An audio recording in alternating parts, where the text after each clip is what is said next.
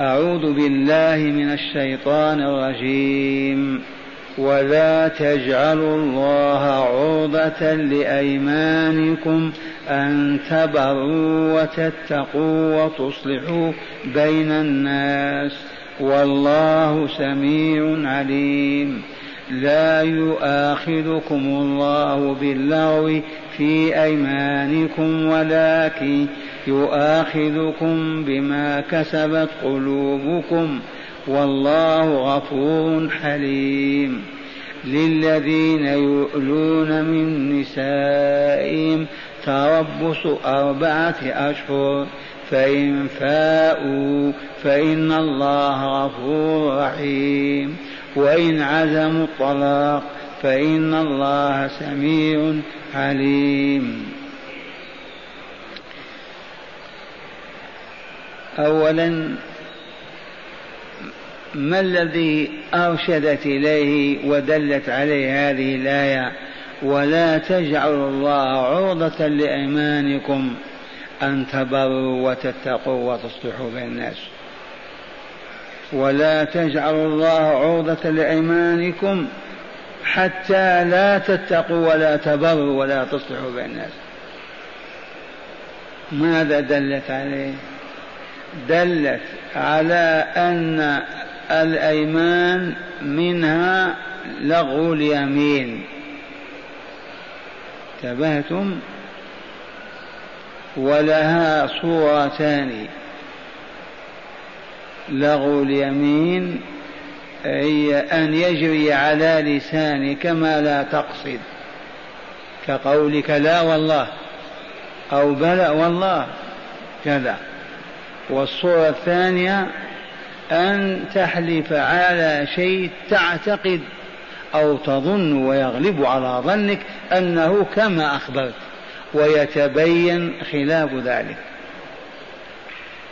أين فلان؟ فلان في الدار. لا فلان سافر. ما س... والله لقد سافر.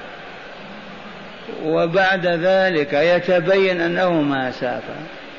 هذه اليمين لغو يمين. لا يواخذكم الله باللغو في أيمانكم ولكن يواخذكم بما كسبت قلوبكم. أما هذه الفاتحة ولا تجعلوا الله عرضة لأيمانكم. هذه تنهانا تحرم علينا أن نمتنع من فعل الخير بالحلف فنمتنع من فعل خير أو من فعل طاعة أو من إصلاح بين اثنين بحجة أننا حلفنا. كيف؟ يا فلان من فضلك أقرني كذا. تقول لقد حلفت بالله أن لا أقرض أحدا حتى تمنع هذا الخير. يا فلان إخوانك يتقاتلون. تقدم أصلح بينهم. يقول مع الأسف حلفت أنني لا أصلح بين اثنين بعد حادثة معينة. إذا يا فلان تساعدنا على فعل كذا بناء مسجد وإلا مشروع خير قل لا. حلفت أن لا أفعل بعد هذا. فتجعل اليمين بالله عرضه كالحجر في الطريق حتى ما يمر الناس. فتضع اليمين بالله حاجزا عن فعل البر والخير والتقوى. تذكرون ما عرفناه عن الصديق وعن ابن أبي رواحة؟ بذلك تتضح هذه القضية. أبو بكر الصديق رضي الله عنه لما شارك ابن أخ خاله مصطح في تلك الفتنة شارك بلسانه. حلف أبو بكر أن لا يطعم في بيته بعد اليوم مع أنه كان يأكل ويشرب عنده ليل نهارا عبد الله بن رواحة كان له ختن أخو زوجته. فتنازع معه فحلف بالله ألا يكلمه. إذا فنزلت هذه الآية. تربينا وتؤدبهم. ولا تجعلوا الله أيها المؤمنون وأيتها المؤمنات عرضة لأيمانكم. أي لا تجعلوا الحلف بالله حاجزا عن فعل الخير والهدى والصلاح. وهنا من حلف أن لا يطعم فقيرا حلف أن لا يصوم يوم الاثنين حلف أن لا يعتمر هذا العام ماذا يجب عليه؟ عليه أن يكفر ويفعل الذي منع نفسه منه من الخير. حلف أن لا يشهد الصلاة مع أهل القرية. ثبات ولا يصلي في بيته. ينبغي أن يبقى على يمينه جعل الحلف بالله مانعا له من الخير من التقوى. إذا كفر عن يمينك وصلي مع إخوانك. ولا تجعلوا الله عرضة لأيمانكم. ولا تجعلوا الله أي لا تجعلوا الحلف بالله. والعرضة ما يقطع الطريق. أن تبروا وتتقوا وتصلحوا بين الناس. والله سميع لأقوالكم عليم بنياتكم وما في قلوبكم فاخشوه واتقوه. عرفنا هذه؟ الحمد لله. الحديث الذي يقرر هذا ويوضحه من حلف على شيء فرأى غيره خيرا منه فليفعل الذي هو خير وليكفر عن يمينه. افعل ذاك الذي هو خير من الأول وكفر عن يمينك. ومن ثم كفر الصديق ورد مصطح إلى البيت كما كان يأكل ويشرب. عبد الله بن رواحه عاد إلى ختنه يكلمه ويسلم عليه. لا سيما ختمت الآية ألا تحبون أن يغفر الله لكم؟ قال ومن ذا الذي يا رسول الله لا يحب أن يغفر الله له؟ وقوله لا يواخذكم الله باللغو في, باللغو في أيمانكم عرفنا لغو اليمين بالصورتين ولكن يواخذكم بما كسبت قلوبكم. ما هذه؟ هذه هذه الغاموس اليمين الغاموس. هذه ما غامسة مرة واحدة هذه تغمس بشدة وعنف. أولا في الإثم ثم في نار جهنم. وهذه أعيدكم بالله أن تحلفوا هذه يحلف بالله كاذبا ليحصل على منفعة. ثبات يعرف أنه ما أخذ ويقول والله الذي لا إله إلا قد أخذ. أو أنه أخذ ويقول والله ما أخذت منك شيئا. هذه اليمين الغموس لأن صاحب يتعمد الكذب والحلف على الباطل لمنفعة تعود عليه. مالية وإلا بدنية أو إلى غير ذلك. هذه اليمون اليمين الغموس التي تغمس في الإثم ثم في النار والعياذ بالله. بعد هذا بقي يمين والله لا أفعل. أو والله لا أفعلن رغم أنفك يا فلان. هنا تأمل. لما يقول والله لا أفعل هذا. هل حقيقة هو يقدر على أن يفعل ولا يفعل؟ هذا معنى أنه نسب القدرة له سلبها من الله. وادعى أنه قادر على أن يفعل أو لا يفعل. هنا إذا حنث حيث قال والله لا آتيكم بعد اليوم وضطر بعد يومين وجاء. هذا يكفر عن يمينه لأن نفسه تلوثت بالإثم لما نسي الله أنه هو الذي يفعل ما يشاء وهو على كل شيء قدير. فلما تلطخت نفسه بالإثم وضع الله لها مادة التطهير يستعملها وإلا ما تطهر أبدا. أو قال والله لأفعلن ونسي أن الله قبل كل شيء إذا لم يرد الله شيئا ما كان.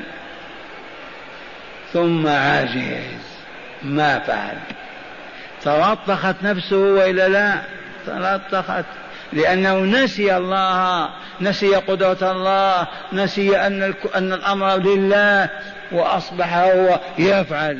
ما فعل. عليه اذا أن يغسل اوضار إثمه بما وضع الحكيم من مادة التطهير. عرفنا اليمين المكفرة وإلا لا أو المكفرة. هي أن تقول والله لا أفعل وتعجز وتفعل. أو تقول والله لا أفعل وتعجز وما تستطيع. هنا تجب الكفارة. لما هذه الكفارة؟ لما سميت كفارة؟ لأنها تغطي ذاك الإثم. تكفر تزيله هذه الكفارة جاءت مبينة في سورة المائدة. تذكرونها؟ قال تعالى لا يواخذكم الله باللغو في أيمانكم ولكن يواخذكم بما عقدتم الأيمان. عقدتم حلفتم على علم ويقين. لا تفعلوا تفعلوا. فكفارة إطعام عشرة مساكين من أوسط ما تطعمون أهليكم. أو كسوتهم أو تحرير رقبة فمن لم يجد فصيام ثلاثة أيام. ذلك كفارة أيمانكم إذا حلفتم أي وحنثتم ذلك كفارة أيمانكم إذا حلفتم أي وحنثتم أما الذي حلف وما حنث لا كفار عليه. وما هو المطلوب حتى لا نقع في مثل هذه أن نستثني بأن نقول والله لأضربنك يا ولد إلا أن يشاء الله. والله لا أجلس معكم بعد اليوم إلا أن يشاء الله.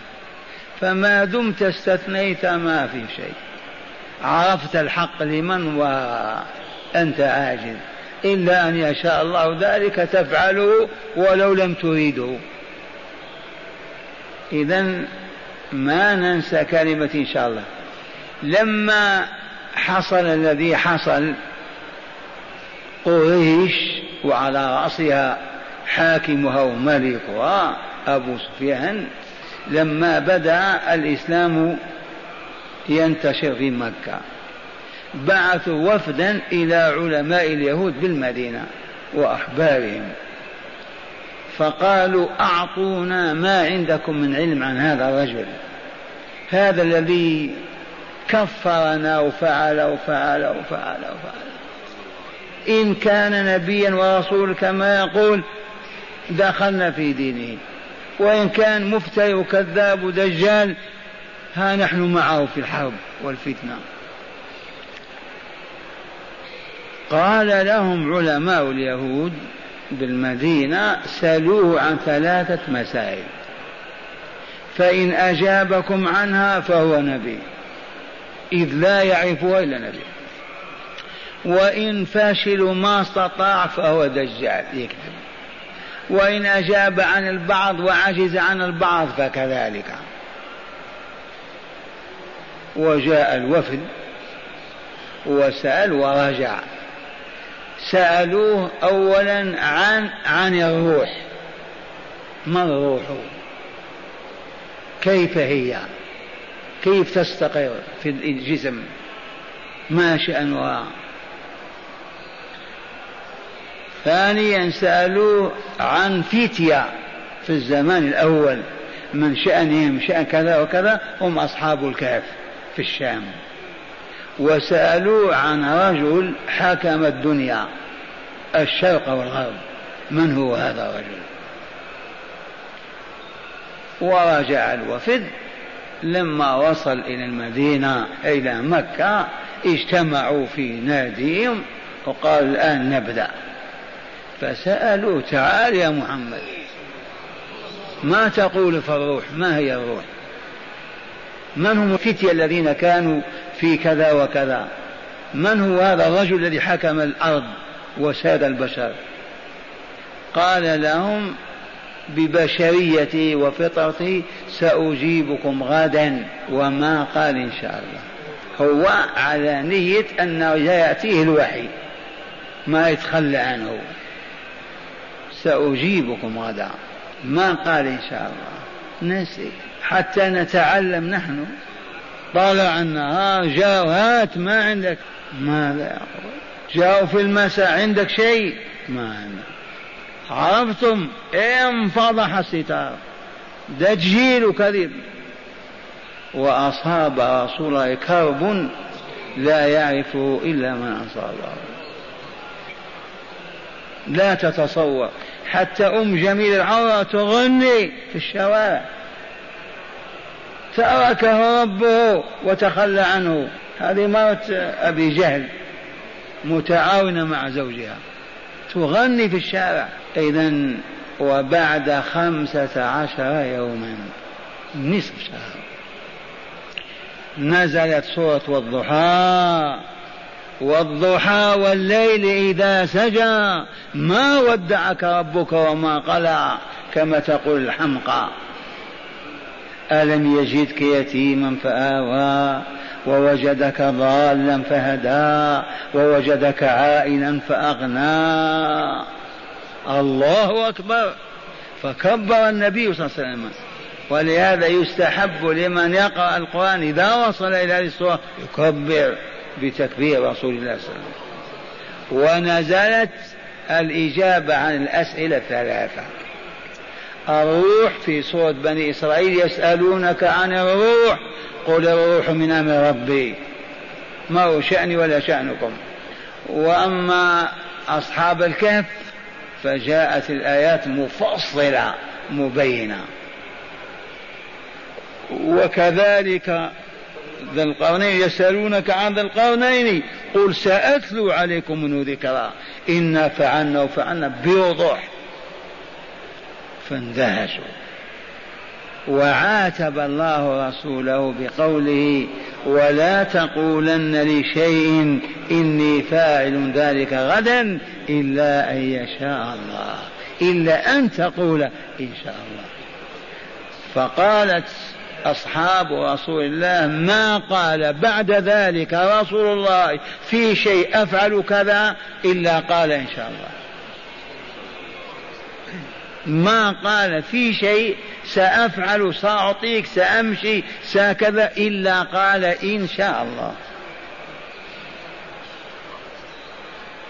عرفتم هذه؟ فلا يفارقكم الاستثناء فإنه خير كبير. عرفتم سر الاستثناء ولا لا؟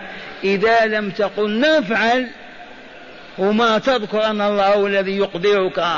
أو يعجزك ويترك ما تقدر تحطمت فين عقيدتك في الله عز وجل. فمن الخير سنسافر غدا إن شاء الله. سنجيب عن هذه الأسئلة غدا إن شاء الله. سنقول كذا إن شاء الله. دائما.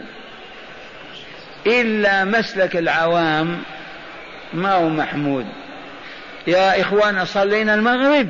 يقولون صلينا إن شاء الله. هذا ما معقول. ما صلينا؟ ثبات. العوام يخبطون. زوجت ولا لك زوجته إن شاء الله.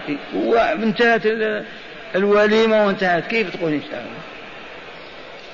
لأن العوام ما علموا. تقول إن شاء الله في المستقبل. أما الذي شاءه الله قد وقع. لولا أن الله شاء نصلي نصلي والله ما نصلي. فلا حاجة تقول صلينا المغرب إن شاء الله. قل نصلي العشاء إن شاء الله.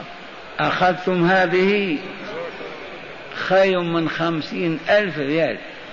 وأنوار تلوح على وجوهكم. بقيت المسألة الثانية وهي الإيلاء. يقال آلا يولي حلف وقالوا تألى يتألى حلف. تبهتم بمعنى حلف. إذا إذا قال الزوج صاحب الزوجة والله لا أطأك أو لا أجتمع في فراشك ثلاثة أشهر تأديبا لها لأنها تعفرت عليه. فأراد أن يؤدبها. شهرين ثلاثة فله أن يكفر عن يمينه ويأتي الذي هو خير إذا رأى فيه خيرا. وإذا ما رأى الخير الخير في منعها حتى تتوب أو تتراجع. وأصر أو ما جاءها له ذلك. حتى يبلغ الأجل الذي حدده ويأتي امرأته ولا كفار عليه. وإن أراد أن يكفر ويرجع ذاك المطلوب. لكن إذا حلف أربعة أشهر أو خمس أو ستة لا يصح.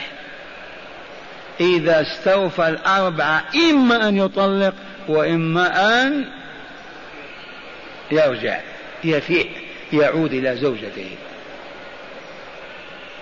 للذين يولون من نسائهم تربص أربعة أشهر. فإن فاءوا أي رجعوا إلى أزواجهم ووطئهم فذاك. وإن عزموا الطلاق الطلاق نافذ. إذا تذكرون أن عمر سأل حفصة ما القدر الذي يمكن المرأة أن تصبر على زوجها؟ قالت شهران تصبر الثالث يقل صبرها الرابع ينفذ الصبر. ما تطيق.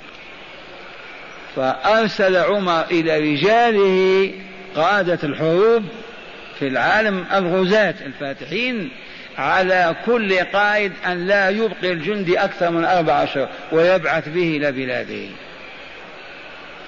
عرفتم هذه؟ الحمد لله. للذين يولون من نسائهم لهم الحق أن يتربصوا كم؟ يعني ينتظر أربع أشهر. إذا انتهى الشهر الرابع إما أن يعود إلى مرته وإلا تطلقت عليه رغم أنفه. إذا بالإضافة إلى ما علمنا الذي يسافر عن امرأته تاجرا أو عاملا ويتركها في بلده. ماذا تقولون له؟ الجواب أربع أشهر لا حق لها. أن تتكلم. تصبر وتسكت تجاوزت الأربعة أشهر إن نفد نفقتها وما استطاعت يجب أن يرجع أو ينفق عليها. النفقة موجودة لكن ما أطاقت فراقه. إما أن يرضيها حتى ترضى وتطمئن وتسمح له وتعفو عنه وإلا إما أن يأتي أو يطلق. عام عامين خمسة الأمر إذا كانت النفقة معدومة ترفع أمرها إلى المحكمة ويطلقها القاضي من ينفق عليها. لكن إذا كانت النفقة موجودة وصابرة هي بالخيار.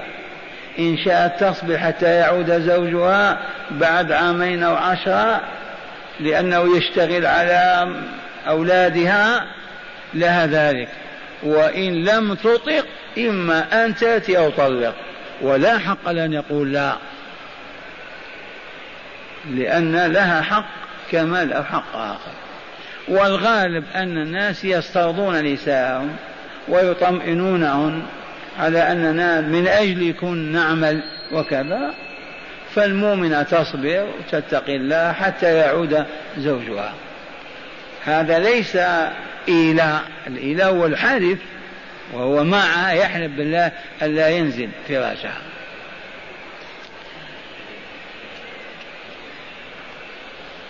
إليكم هداية الآيات تذكركم بما علمتم.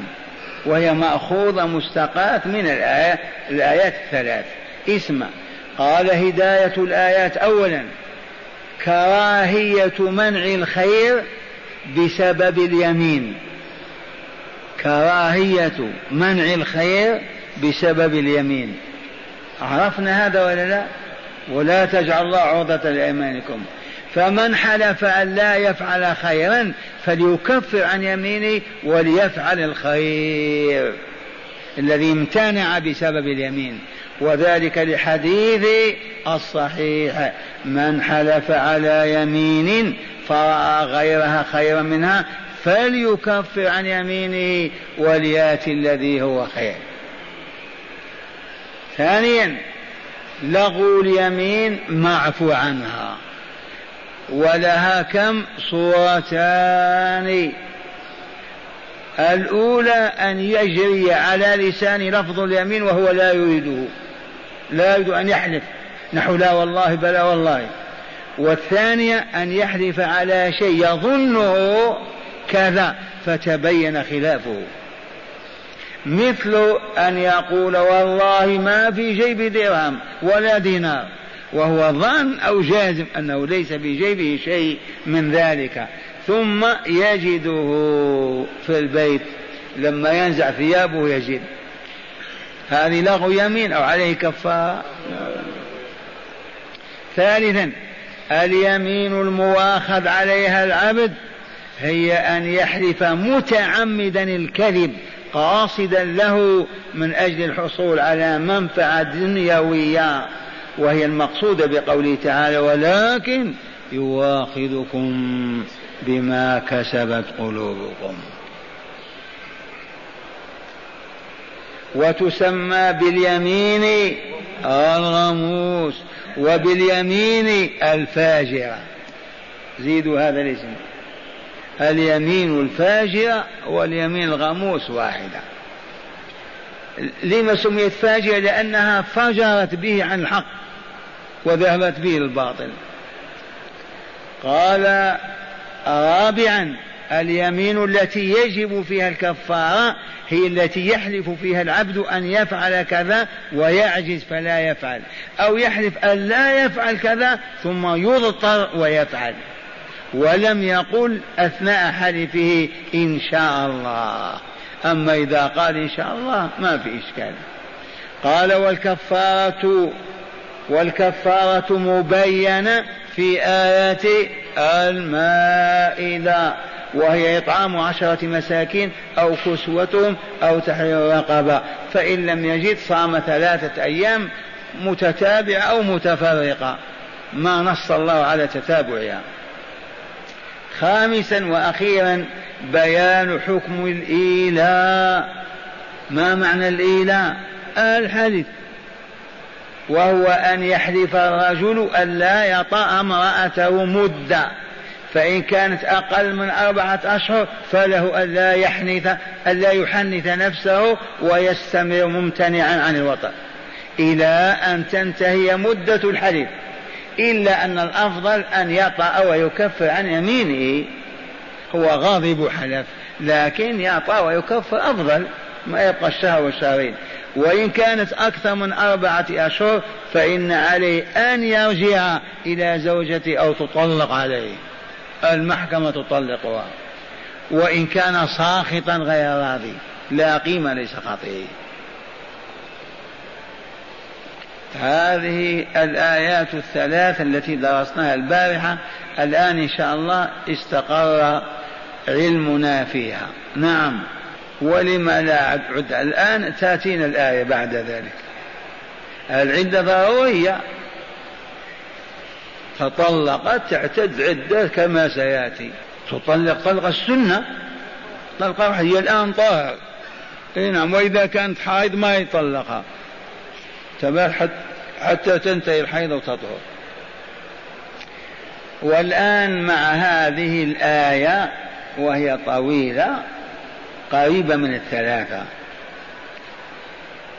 أعوذ بالله من الشيطان الرجيم. والمطلقات يتربصن بأنفسهن ثلاثة قروء. ولا يحل لهن أن يكتمن ما خلق الله في أرحام إن كن يؤمن بالله واليوم الآخر وبعولتهن أحق بردهن في ذلك. إن أرادوا إصلاحا ولهن مثل الذي عليهن بالمعروف وللرجال عليهن درجة. والله عزيز حكيم.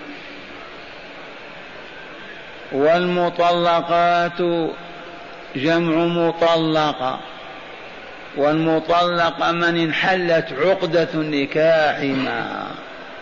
الرباط ذاك الذي كان زوجني زوجتك على ما هكذا انحل. انطلقت. تطلقت. الطلاق إذا والمطلقات ما عليهن ما لهن أخبرنا. قال يتربصن بأنفسهن وينتظرن ثلاثة قروء إذا انتهت يتزوجن. المطلقات عليهن وجوبا أن يتربصن. تربص ما هو الانتظار. ماذا يحدث؟ كم ثلاثة قروء هذه المسألة اختلف فيها أهل العلم. ويبدو أن الأصح أن القرء بمعنى الطهر لا بمعنى الحيض.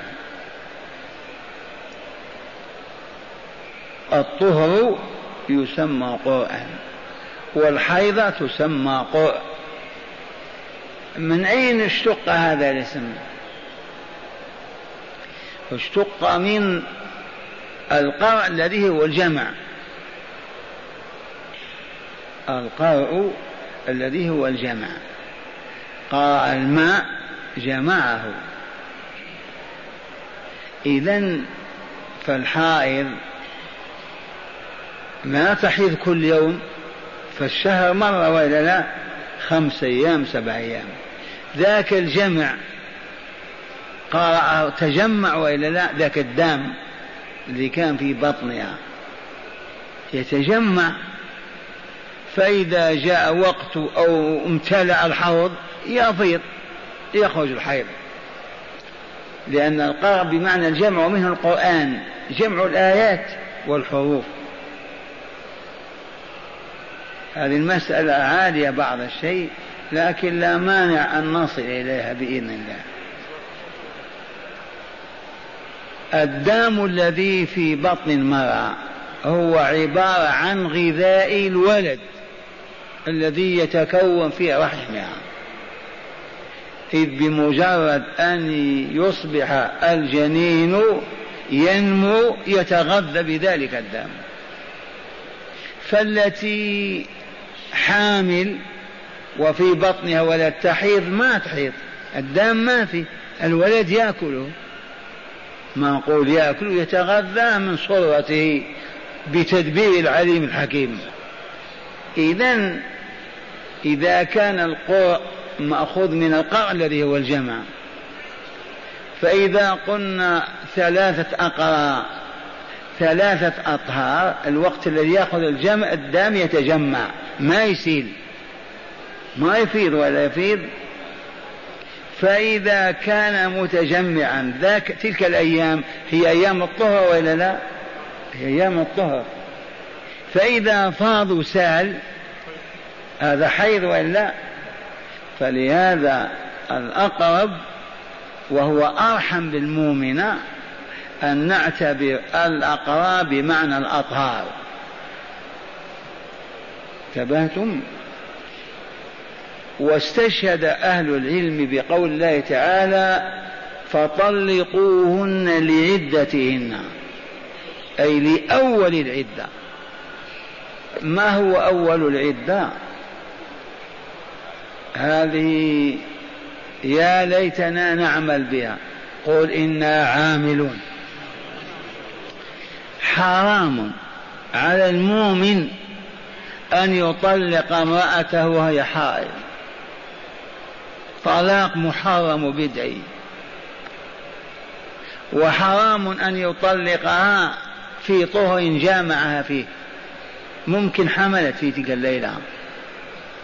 فتبقى مربوطة تسعة أشهر برباطه الطلاق الذي شرعه الله في كتابه وبينه رسوله صلى الله عليه وسلم واعملوا. إذا تريد أن تطلق امرأتك انتظر حتى تحيض. ثم تطهر. فإذا طهرت واغتسلت وصلت حينئذ قبل أن تجامعها أشهد اثنين وطلقها هذا هو الطلاق. أما أن تطلقها وهي حائض أو تطلقها بعدما طهرت وجامعتها هذا طلاق بدعي محرم. وكثير من الصحابة والتابعين وإلى اليوم من أتباع مالك وأحمد وهو وهو خلاف الجمهور. يقولون أيما طلاق وقع في حيث فهو باطل لا يعد طلاق أو طلاق جامع فيه لا يعد طلاقا. والدليل ولكل أخذ من وجه الحديث لما طلق عبد الله بن عمر أخبر عمر رسول الله أي نبي الله إن عبد الله طلق وهي حائض. قال له مره فليراجعها حتى تطهر ثم لا يجامعها ويطلقها أمره أن يرجعها هنا الجمهور يقولون معنى أنها طلقة وراجعها. وخلاف الجمهور يقول لا قال يرجعها إلى بيتها. ما تطلقت لأن وقع الطلاق وهي حائض. هذا هذا سر الخلاف. والشاهد عندنا في هذه القضية آية نشوف ما هو الأخف والأرحم بالمؤمنة. طلقها في طهر لم يمسها فيه. هذا طهر ولا لا؟ حارت هذه حيضة. طهرت. هذا طهر ثاني ولا لا؟ حارت. هذه حيضة ثانية ولا لا طهرت. حلت. فإن قلنا حيضة ثالثة تطول بشهر آخر. تأملوا. لاحظ. طلقها في طهر ما جامع فيه وإلا؟ هذا الطلاق شرعي. هو السنة. أي نعم. تعد هذا وما تعد؟ لأن قال طلقوهن لأول ثم حالت عددنا حيضة انتهت الحيضة دخل طهر ثاني. طهران وإلا وحيضة واحدة. جاءت حيضة ثانية جاء بعدها طهر حلت فيه. لو أخذنا بالحيض باقي شهر آخر. والمسألة كله خير. شبهتم ولا إن أخذت بالأطهار أو الأقراء كل هذا صحيح. لكن الأرحم الأطهار. والمطلقات يتربصن بأنفسهن كم؟ ثلاثة ثلاثة قروء. ولا يحل لهن نعم. ثلاثة قروء أي فلا يتزوجن ولا يتعرضن للخطبة ولا ولا ثلاث أشهر ثلاث قروء وهن في بيوتهن مرتبطات بأزواجهن. والنفقة على الأزواج. تبهتم وللزوج الحق أن يقول راجعتك ويبيت معها. وهذا تدبير الله. تبقى في البيت. ممكن يندم. ممكن تثور شهوته. يضطر إلى أن يراجع. لا إله إلا الله. وهي في بيت زوجها لا تخرج ولا يحل إخراجها إلا إذا ظلمت إلا أن يأتين بفاحشة. دامت مطلقة لا يخلو بها ويتحدث معها أجنبية الآن ولا يجامعها. إن جامع يؤدب وهو قد طلقها. إلا إذا نوى مراجعتها انتهينا. ثلاثة قروء. انتهت الأقراء الأطهاء والحيض مع السلامة. تعطيها عفشاء متاعها تذهب إلى أهلها. أراجعها في تلك الفترة هنيئا له. لو تقول ما نرجع لا حق لها لو يموت ترثه. لو ماتت يرثها. ما زالت في عصمته. ما انقضت. حتى تنتهي الأطهار الثلاثة. هذا إذا كانت تحيض وإذا كانت صغيرة ما تحيض بنت عشر سنين أو كانت عجوز كأمي سبعين سنة كيف تعمل؟ هذه تعتد بثلاثة أشهر. واللائي لم يحضن. الآية فعدتهن ثلاثة أشهر واللائي لم يحضن كذلك. التي لا تحيض لكبار سن أو لصغارها ما دخلت في البلوغ العدة معدودة ثلاث أشهر. قال ولا يحل لهن أن يكتمن ما خلق الله في أرحامهن. هذه مسائل عالية. يا مطلقة انتبهي. أنت تؤمنين بالله واليوم الآخر ولا لا؟ إياك أن تجحدي الحيض أو الحمل. الحمل تقول والله لا أحرم هذا الكلب. هذا كلام النساء هي حامل في الشهر الأول والثاني. تعرف تقول لا. وتتزوج وتنسب هذا الولد للزوج الثاني. هذا موقف خطير. لا تفعله مؤمنة. أو تقول أنا حفظت أربع حيضات أو ثلاثة. وتتزوج. ثبات تريد تعجل. تقول أنا حفظت ثلاث حيضات الشهر الماضي. وهي تكذب. كتمت ما في رحمها.